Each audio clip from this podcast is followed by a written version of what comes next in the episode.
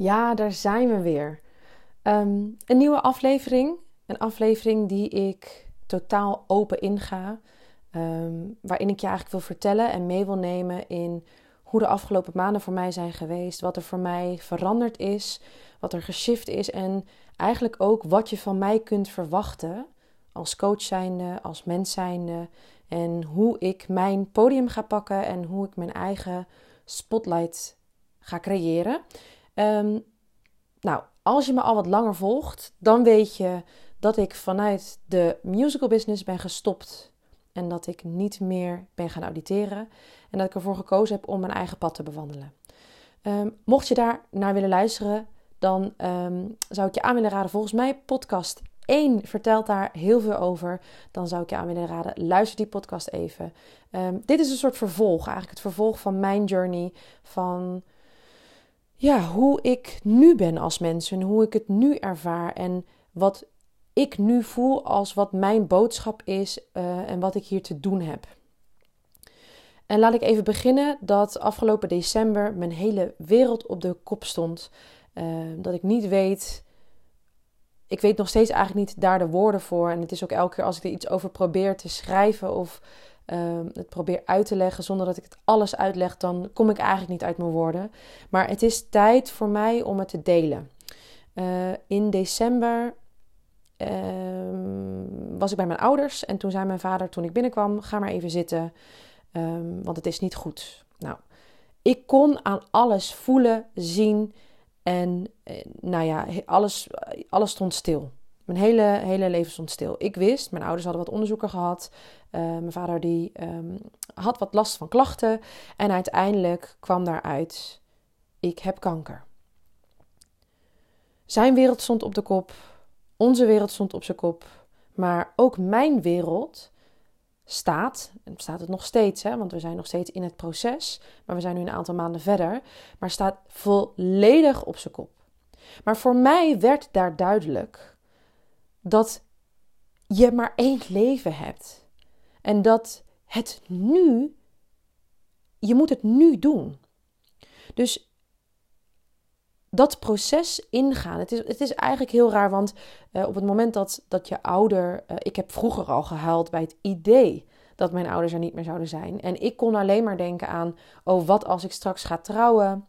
Um, wat straks als ik kinderen ga krijgen en mijn vader is er niet meer. Eigenlijk allemaal wat als, wat als.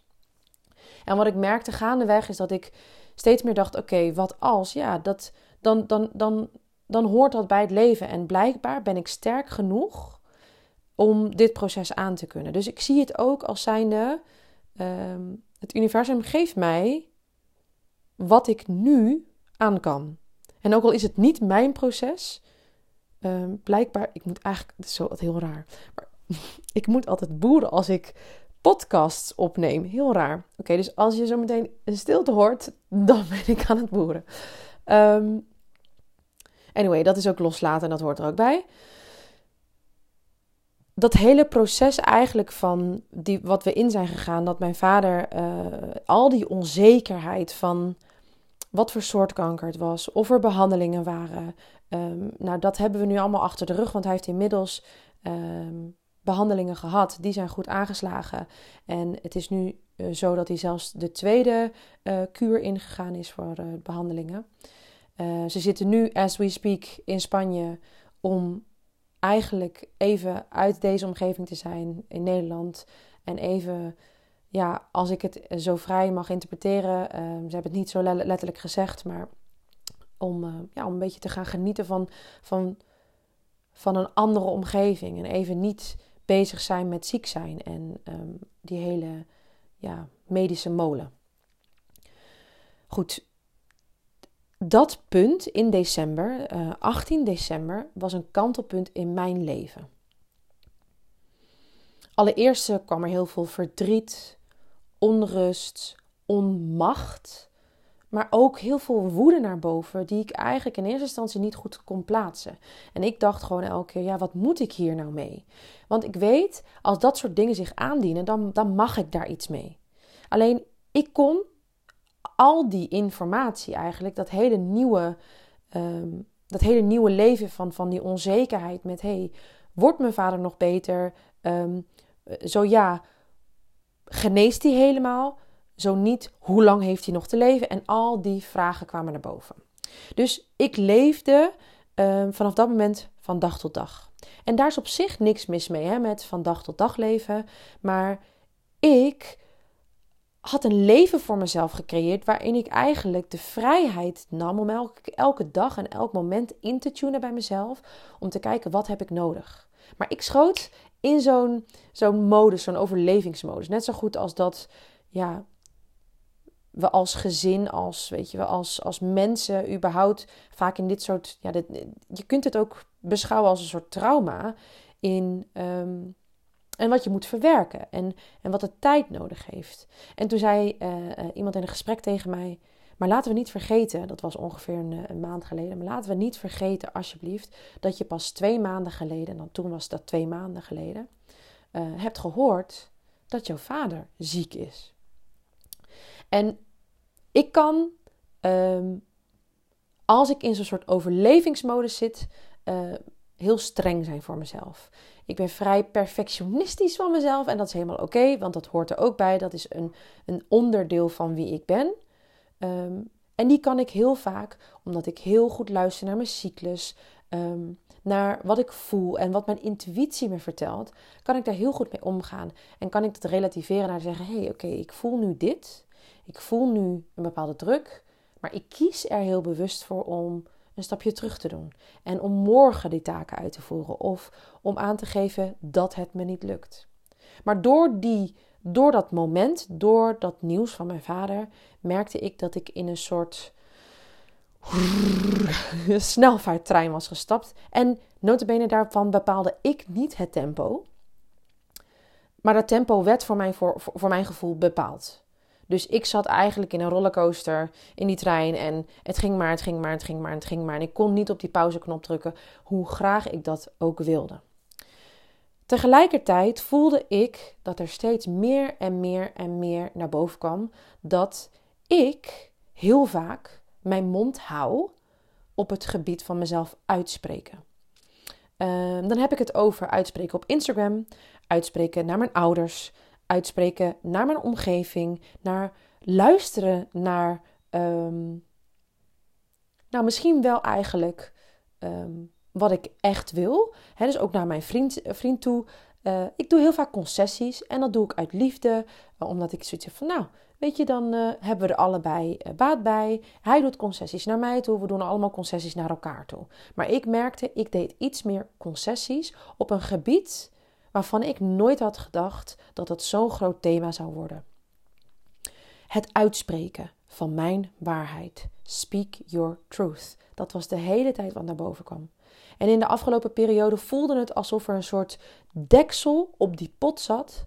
De deksel, ik, het, het, het moest eruit. Het moest eruit, maar het lukte me niet. En ik, ik werd elke keer teruggegrepen naar, nou ja, eigenlijk naar de donkerte. En, en, en um, ik wist niet hoe ik daaruit moest breken en het lukte me niet op cognitief niveau, dus op denkniveau, om daar doorheen te bereiken, om eigenlijk door uh, dat bewustzijn heen te breken naar een nieuw, een nieuwe zijn, een nieuwe staat van wie ik nu ben. En in de afgelopen periode zijn er heel veel dingen veranderd, waaronder dat we ons huis verkocht hebben, wat we een jaar geleden hebben gekocht, of ongeveer anderhalf jaar geleden. Um, iets wat ik heel gek vind eigenlijk om, om te delen, maar het voelt zo goed. We hebben het huis binnen een jaar verkocht. Het was allereerst ons droomhuis op het moment dat we het aankochten. En binnen een aantal maanden was het niet meer ons droomhuis. En voelden we dat het totaal niet meer paste bij wie wij willen zijn en wie wij nu, ehm, waar we naartoe willen ontwikkelen eigenlijk. En wat heel veel gebeurt, is dat we dan ik had die gedachten ook, denken: ja, maar goed, we hebben pas een aantal maanden achter de rug. Je kan toch nu al nog niet weten of je hier dan wel voor je hele leven of niet voor je hele leven wil wonen. Maar wij deden het tegenovergestelde. We zijn in gesprek gegaan met elkaar. We hebben dit huis gekocht. Ja, dat is een feit. Maar niemand, er staat nergens beschreven dat wij het huis niet binnen een jaar of uh, binnen anderhalf jaar mogen verkopen. Dat is een sociaal ehm, ja, construct eigenlijk waarin we ons begeven. We ehm, passen ons aan eigenlijk aan wat er van je verwacht wordt, waarvan wij denken dat dat past binnen de maatschappij. En de meeste mensen die een huis kopen, verkopen het huis niet binnen een jaar weer aan een ander door. Met andere woorden, wat de verwachting is, is dat als je ergens gaat wonen, dat je daar voor een langere periode gaat wonen. En dat was onze intentie ook. Toen wij hier gingen wonen, was het de bedoeling dat wij hier, nou zeg 30 jaar zouden gaan wonen. Misschien wel hier kinderen zouden krijgen en ehm, alles helemaal op zouden knappen naar smaak en naar eh, kleur en naar geur en naar weet ik veel wat. En toch hebben we ervoor gekozen om het huis te koop te zetten. Ehm, waarom, waarom doen we dat? Waarom zetten wij het huis te koop? Ondanks het feit dat eigenlijk de hele maatschappij erop ingesteld is dat als je een huis koopt, dat je daar moet blijven wonen. En dat het eigenlijk heel raar is dat je zegt: Ik voel me er niet fijn. En dus, dit is de stap die we nodig hebben. Want wat gebeurt er nou op het moment dat je dat gaat uitspreken naar anderen? Ehm, eh, met, met, met, met jouw gevoel. Hè? Dus, dus even met mijn gevoel. Ik, ik zal hem even op mezelf betrekken. Ik merkte heel erg de struggle met: oké, wij willen ervoor kiezen uh, om het huis te koop te zetten. En dat is onze keuze. En dat is mijn keuze als volwassen vrouw om het huis weer te koop te zetten samen met mijn vriend. En daarin die stap te zetten voor onszelf. Wij worden niet gelukkig op deze plek. Deze plek heeft niet de juiste energie in waar wij ons nu in willen begeven. Oké, dat is een feit. De volgende stap is dan: hoe ga ik dat naar mijn uh, omgeving communiceren? En daar, daar loop ik dan tegenaan. Want ik ga onbewust, dus blijkbaar, aan de hand van dat sociale construct, of eigenlijk ja, dat wat je normaal gesproken altijd doet, um, ik, ik merk dat dus mijn mening, ik ga mijn mening aanpassen. Ik ga mijn woorden aanpassen. Omdat ik bijvoorbeeld aan mijn ouders wilde vertellen: we gaan het huis verkopen, we gaan um, uh, andere stappen zetten. Um, dat is waar je het mee moet doen. En eigenlijk zou dat heel makkelijk moeten zijn, want het is mijn keuze. Het is wat voor ons goed voelde. En ik zou het niet anders willen op dit moment. Kijk, er kwam niet meer. Dit is ook loslaten, een woordje. Helemaal oké. Als je het niet trekt, ik zou zeggen, zet hem uit, de podcast, want uh, dat is ook gewoon even wat het is. Um, oké, waar zijn we gebleven? Dus ik merkte, oké, ik, ik pas me aan eigenlijk aan de persoon die tegenover me staat. Maar dat is zo niet eerlijk tegenover mezelf. Want heel vaak betekende dat dat ik dat dus allemaal soort van rooskleuriger ging invullen. Of dat ik het iets mooier maakte dan dat het is. Of dat ik een deeltje van de waarheid um, durfde te zeggen, maar niet de hele waarheid. En vervolgens merkte ik gaandeweg dat ik steeds meer en meer en meer voelde. Ik zeg niet wat ik denk op alle momenten waarvan ik denk dat ik dat wel doe. Dus dat was een realisatie bij mezelf. Oké, dat, hele, dat hele proces Ehm, dat is al een langere tijd gaande eigenlijk. Ik denk bijna wel vanaf de pandemie uh, hier ehm, op aarde, waarin we te maken hadden met COVID. Ja, daar is een heleboel over te zeggen. Ga ik nu niet doen. Maar daar had ik een mening over en ik durfde hem niet te verkondigen. Ik had mijn kijk daarop. En ik durfde hem niet te verkondigen omdat ik bang was om verketterd te worden. En om heel eerlijk te zijn, dan ga ik even helemaal terug in de geschiedenis. Dat is waar wij in onze maatschappij, in de huidige maatschappij waarin wij leven, totaal de mist ingaan. Want mijn mening is mijn waarheid en jouw mening is jouw waarheid. Maar dat betekent niet dat die waarheden of die meningen niet naast elkaar kunnen bestaan. En het voelt nu um, alsof het mijn taak is om dit uit te spreken, om aan te geven dat jij voor jezelf mag gaan staan. Net zo goed als dat ik nu aan het doen ben. Dit is voor mij out in the open. Ik zeg je bij deze: ik ben spiritueel. Ik geloof in het universum, God, hoe je het ook maar wil noemen, de divine. Um, of whatever it may be. En zelfs dat is iets wat ik niet durf te zeggen. In ieder geval, nu zeg ik het. Maar dat is omdat ik voor mezelf besloten heb dat dit is wat het is voor mij op dit moment. Maar dat hoeft niet te betekenen dat jij ook in God moet geloven of dat jij ehm, hetzelfde voelt. Maar ik weet dat er iets is, een universele liefde, ehm, die voor mij in verbinding staat met mijn intuïtie. En ik ga even terug naar die geschiedenis, hè? Dat, dat verketteren waar ik het net over had. Dat zit zo diep geworteld in ons als vrouw zijnde. Ehm, want vroeger, als jij als heks werd bestempeld, of eigenlijk als vrouw zijnde die andere dingen deed dan de gevestigde orde, dan werd je verketterd. Dan werd je verbrand. Dan werd je op, uh, uh, met een baksteen uh, om je lijf naar beneden gegooid. En als je dan zou blijven drijven, dan zou je een heks zijn. Maar hoe, in wat voor bizarre um, ja, wereld leefden ze toen? Hè? Dat, je, dat je dus, omdat je vanuit intuïtie, vanuit ja, bijna magische energie werkt, handopleggingen, magnetiseren, dat wat ik nu doe, dat was echt een no-go. Dat was een soort black market. En dat was heel, um, nou ja, heel erg geheim. En dat dragen wij als vrouw op een bewust of soms onbewust niveau nog bij ons, eh, met ons mee. Dus wat gebeurt er op het moment dat uh, uh, nou, 80% van de samenleving één richting opkijkt? En ik omschrijf het eigenlijk als een, um, als een trein. Uh, we stappen allemaal op de trein en die, die trein, dat is een hele logische trein, want iedereen stapt op die trein. En je zit in die snelvaarttrein en die blijft maar gaan en blijft maar gaan. En eigenlijk zie je alleen maar wat er in die trein gebeurt en niet wat er buiten gebeurt. Want dat gaat zo snel voorbij. En ik zit ook hier in de zon met mijn ogen dicht. Ik zie dat dan helemaal voor me. Dus ik zit in die trein um, en durf ja, binnen, binnen die kaders van die trein en van die coupé en van die mensen die in die coupé zitten en die in die trein zitten, weet ik zeker, daar zit ik veilig. Dat is die community um, waar, waarin ik mij begeef. Um, en dat, dat zorgt ervoor dat ik kan overleven, dat ik niet verketterd word.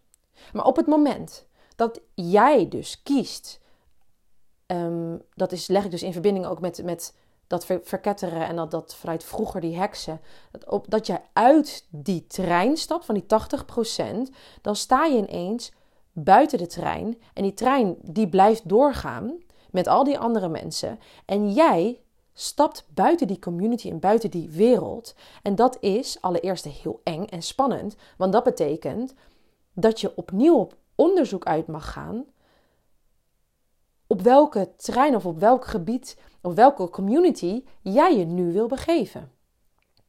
En we zijn allemaal, nou ja, we zijn allemaal um, ja, zo ingericht in dat we als mensen samen willen leven. We willen ergens bij horen, want anders is het een gevaar voor jou als je er buiten valt. Want dan ben je een target. Hè? Dus vanuit vroeger, dan, dan, was je, dan was je de pineut als je buiten de groep viel. Want dan had je uh, heel weinig kans op overleven. En, en, stel je dus even voor dat die trein met al die mensen een soort community is, met al, uh, een groep van tien mensen. En jij stapt buiten die tien mensen. En um, überhaupt de stap zetten om er buiten te zetten is al heel eng. Maar al die, die, die, die, die negen mensen die overblijven, of die tien mensen die overblijven, die hebben één duidelijke mening, maar die deel, die deel je niet meer zodra je er buiten bent gestapt. Oké, ik, hoop, ik hoop dat dit duidelijk is, maar um, zodra je er buiten stapt, zul je merken dat je niet de enige bent die er buiten bent gestapt, die er buiten is gestapt. Maar die stap om, er, om uit die trein te stappen, om uit die community te stappen, om uit dat bewustzijn te stappen, die is aan jou. En als je die stap eenmaal zet, zul je je ook weer in een andere wereld begeven, in een andere community. Een community waarvan jij nu misschien niet eens het bestaan weet. En ik had vandaag een heel mooi gesprek met een van mijn coaches. En zij gaf aan het feit dat ik soms um, depressieve gevoelens heb als kunstenaar, als uitvoerend artiest, als, ehm, als zangeres of als actrice, is zo'n groot taboe dat ik me niet eens durf uit te spreken. Terwijl ik het liefste heel eerlijk zou zijn en zou zeggen: hé, hey, dit is gewoon nu onderdeel van wie ik nu ben. En dat dat niet meer een taboe is. En toen gaf ik haar eigenlijk een, een voorbeeld in hoe ik dat heb ervaren in de musical business. En wellicht heb jij het idee, je gaat van de hak op de tak, maar het is voor mij allemaal één. Ehm, in de musical business was het, ik heb last gehad van, van mijn stem. Mijn stem um, was eigenlijk een soort reactie van mijn lijf, een soort uh, beschermingsmechanisme, zo zou je het eigenlijk kunnen zeggen, om ervoor te zorgen dat ik rustiger aan zou doen. Dat ik zou gaan nadenken, wat is daadwerkelijk mijn pad? Want uiteindelijk, door al die signalen van mijn lijf, ben ik gaan nadenken. En kwam ik tot de conclusie dat alleen in musical staan en alleen in zo'n um, um, in, in, een appartement te wonen in Wenen uh, en alleen die dingen te doen, dat dat niet mijn pad was. Op dat moment dat ik de keuze heb gehad gemaakt om niet meer te auditeren voor een musical uh, land, om het maar even zo te zeggen, een musical business, um, wist ik nog steeds niet wat precies het pad zou zijn. Maar door die keuze te maken, begaf ik mij wel ineens in een andere energie.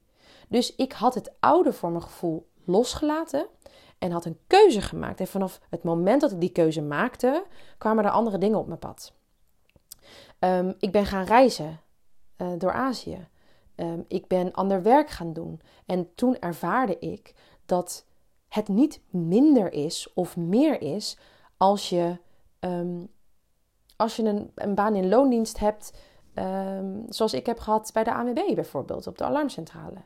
En dat je niet minder bent, dat als je verschillende losse klussen doet als ZZP'er, of dat je een vaste werkgever hebt als ZZP'er en daarbij nog losse klussen doet. Dus er zijn zoveel manieren om jouw leven in te richten. Alleen vaak staren we ons blind op één ding. En dat komt gewoonweg omdat we ons begeven in die 80% van, van, um, van die snelvaarttrein en die community waarmee je je omringt. Uh, maar des te belangrijker is het dus om continu terug te gaan naar de kern. Naar wat wil ik? En wie wil ik zijn? En als, als je dan over tien jaar terugkijkt, dat je dan kunt zeggen: hé, hey, ik ben trouw gebleven aan mezelf. Oh, ik weet al, ik wilde ergens naartoe werken, maar ik ben trouw gebleven aan mezelf. En um, ik ben niet over mijn grenzen heen gegaan. En als ik over mijn grenzen heen ging, dan was dat een bewuste keuze. Oké, kom ik weer even terug bij de musical business. Ik had last van mijn stem. Ik, uh, ik ben zo onwijs gedreven over dit onderwerp. En um, dit is echt naar aanleiding van een healing die ik heb gedaan met Marissa Klauwer.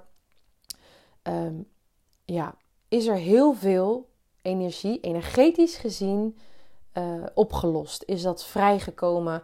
En het was ook best een pittige healing. Ik, um, ik had ook na de hand heel veel tintelingen in mijn gezicht en in mijn lijf. En eh, alsof al die oude energie allemaal via de poriën, via al die, nou ja, al die, al die wegen die, die energetisch gezien eh, zo werken, alsof dat allemaal eruit ging en allemaal los raakte.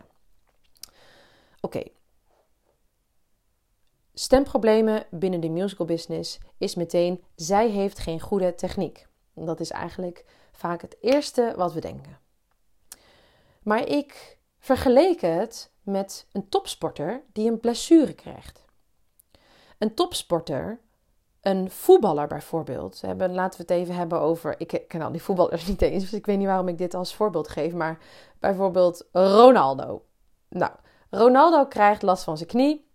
En Ronaldo kan een tijdje niet meedoen. Die krijgt fysiotherapie, extra ondersteuning. Kijken of ze met massage wat dingen kunnen doen. Wellicht doet hij nog dry needling, uh, acupunctuur en weet ik veel wat allemaal. Alle andere uh, mooie complementaire uh, geneeskunde. Um, maar hij wordt er niet een minder goede voetballer van. Maar op het moment dat we het hebben over podiumkunst en als acteur of als actrice of als zanger of zangeres, dat je geen stem meer hebt omdat je stem problemen hebt, dan wordt dat gezien alsof je afgeschreven bent als artiest. Maar als we het dus vergelijken met die blessure, dan zouden we toch onwijs lief voor onszelf mogen zijn en anders naar die situatie mogen kijken, als, als zijnde dat we het niet zien als iets slechts dat dit gebeurt, maar een teken van het lijf dat aangeeft: hé, hey, er, zit, er klopt iets niet. En misschien zit het nog wel veel dieper. Hè? Dus dat is dan is het niet alleen maar je hebt je, um, je been verdraaid of je hebt je knie verdraaid, maar is het um, hij zit met zijn hoofd ergens anders. Ronaldo heb ik het dan even over, over die voetballer. Hij zit met zijn hoofd helemaal ergens anders en zette een stap waardoor hij uiteindelijk zijn knie heeft verdraaid. Dus laten we niet vergeten dat al die signalen zo onwijs waardevol zijn en wat mij betreft totaal bullshit is dat het taboe is. Want het lijf is er en al die signalen zijn er om jou te helpen en te beschermen. Dus ik zou je willen vragen om die, die eerlijkheid ten alle tijden weer terug te pakken.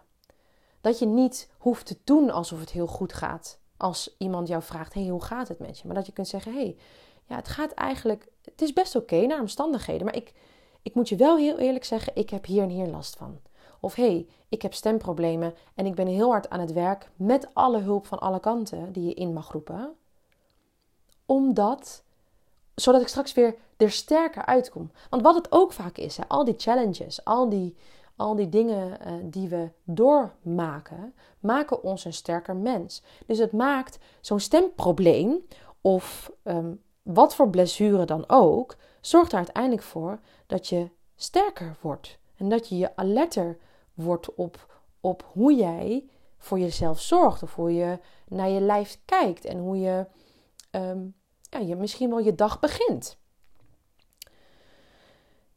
En al die dingen zijn voor mij samengekomen um, naar aanleiding van die healing. En ik voel eigenlijk nu ik dit aan het, aan het vertellen ben, um, dat alles, alles valt op zijn plek.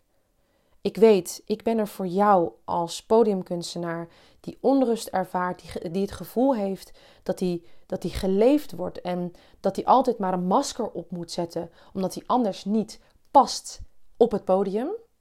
Ik ben er, ik ben er voor die personen die voelen dat ze meer rust willen, dat ze meer verbinding met hun lijf willen en dat ze uh, juist voor zichzelf willen gaan staan.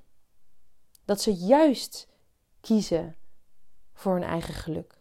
En dat het niet is met, oh, ik doe ook nog wel even deze klus of deze job tussendoor, zodat ik nog even snel geld kan verzamelen. Want heel eerlijk, er is maar één versie van jou. En als jij met die versie van jezelf niet eerlijk omgaat en niet luistert naar wat je daadwerkelijk te doen hebt, dan ben je jezelf onwijs aan het saboteren. En ik heb dat gemerkt, want ik heb mij niet uitgesproken over bepaalde dingen. En of ik dat nu, nu wel doe of niet doe, mijn conclusie is: ik wil niet langer mezelf klein houden op het gebied van mezelf uitspreken. Oké. Recapituleer. Het belangrijkste is, is dat jij gaat luisteren naar wat jouw intuïtie je vertelt. En wat al die 80% in die terrein ook denkt, wat de menigte ook denkt of verwacht of doet, blijf trouw aan wat voor jou werkt. Want die energy healing die ik heb gedaan, die werkt misschien voor mij, maar die werkt misschien niet voor jou. Maar ga eens luisteren, ga eens kijken, ga eens voelen wat er voor jou wel werkt. En hoe jij in jouw full potential kunt stappen. En zodat jij weer die regisseur wordt van je eigen leven. En dat is echt, dat, deze zin ga je nog vaker horen. Die regisseur van je eigen leven. Want alleen jij weet wat voor jou het beste is. En tuurlijk, het werkt heel goed om gespiegeld te worden. Dus het werkt heel goed om via de feedback van een ander te kijken: hé, hey, maar wat doe ik dan eigenlijk? En hoe doe ik dat? Maar alleen jij kunt dan bepalen wat is goed voor mij. En met welke feedback wil ik wat doen. En het is zo onwijs belangrijk om zelf als regisseur in die stoel te gaan zitten van jouw eigen leven. En dat niemand anders jouw leven bepaalt.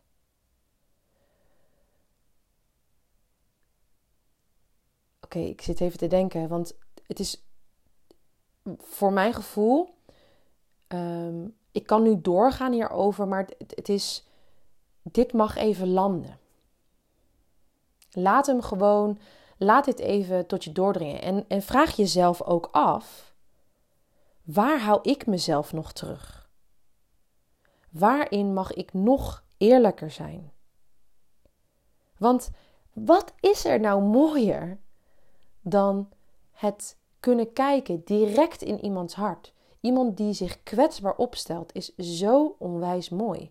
Want waarom vinden we überhaupt drama en, en, emoties zo onwijs interessant? Waarom willen we daar naar kijken op het podium? Waarom willen we soaps zien?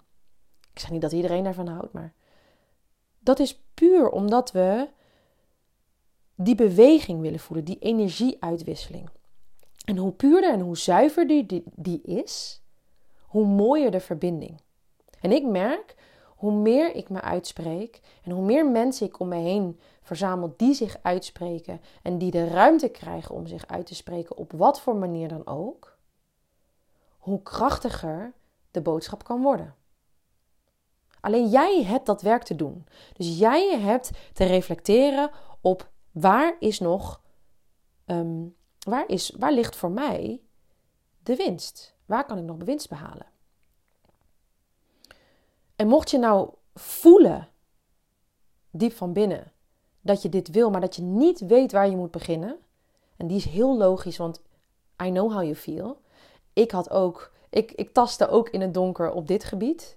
Uh, totdat ik de healing had gedaan, totdat ik een, um, een sessie had gedaan van Sarah bij, bij, uh, bij Sarah van stylformation.nl. Um, ehm, wat betreft de kleding die ik aandoe. Want ook dat hoort nu. Ik, ik heb nu kleding alleen maar die resoneert bij wie ik nu ben en bij wie ik nu wil zijn en bij de kleuren en de energie die nu goed voelt. En alle oude ballast heb ik weggedaan. Dus aan welke principes en aan welke gewoontes hou jij nog vast die eigenlijk niet meer dienen?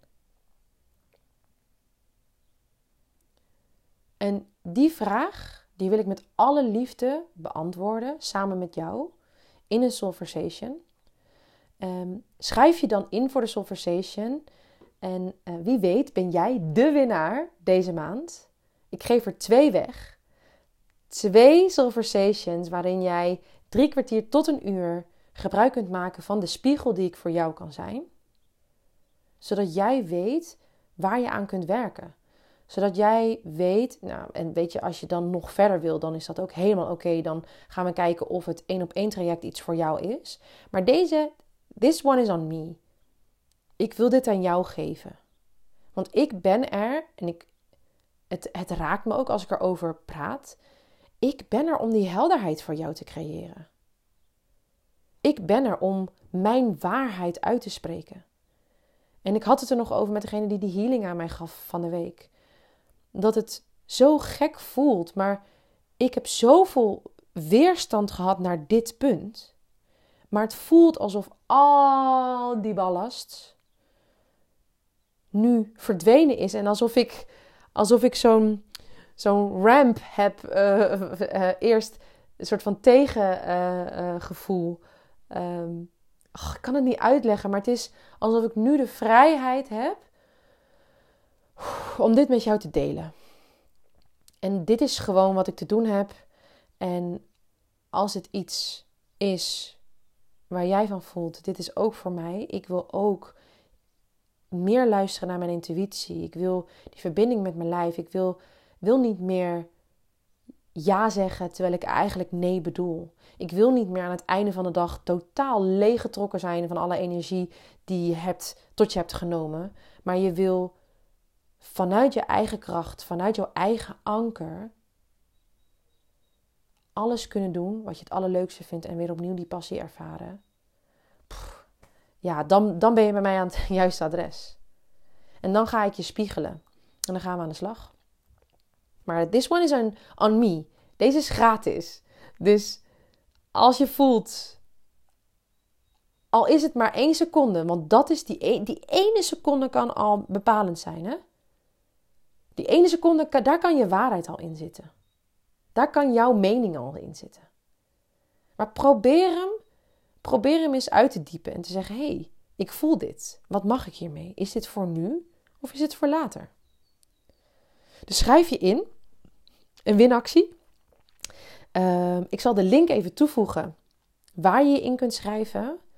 En dan laten we afspreken. Het is nu. Kijk nu op mijn horloge. Donderdag laten we afspreken dat ik eind deze week, dus op zondag of maandagochtend, jou laat weten. Oké, maandagochtend kies ik twee winnaars uit die gecoacht mogen worden door mij, zodat je in ieder geval minimaal twee tips hebt in hoe jij meer kunt gaan staan, zodat je kunt leven en ondernemen op jouw voorwaarden. En dan hoop ik je te zien. Dikke kus.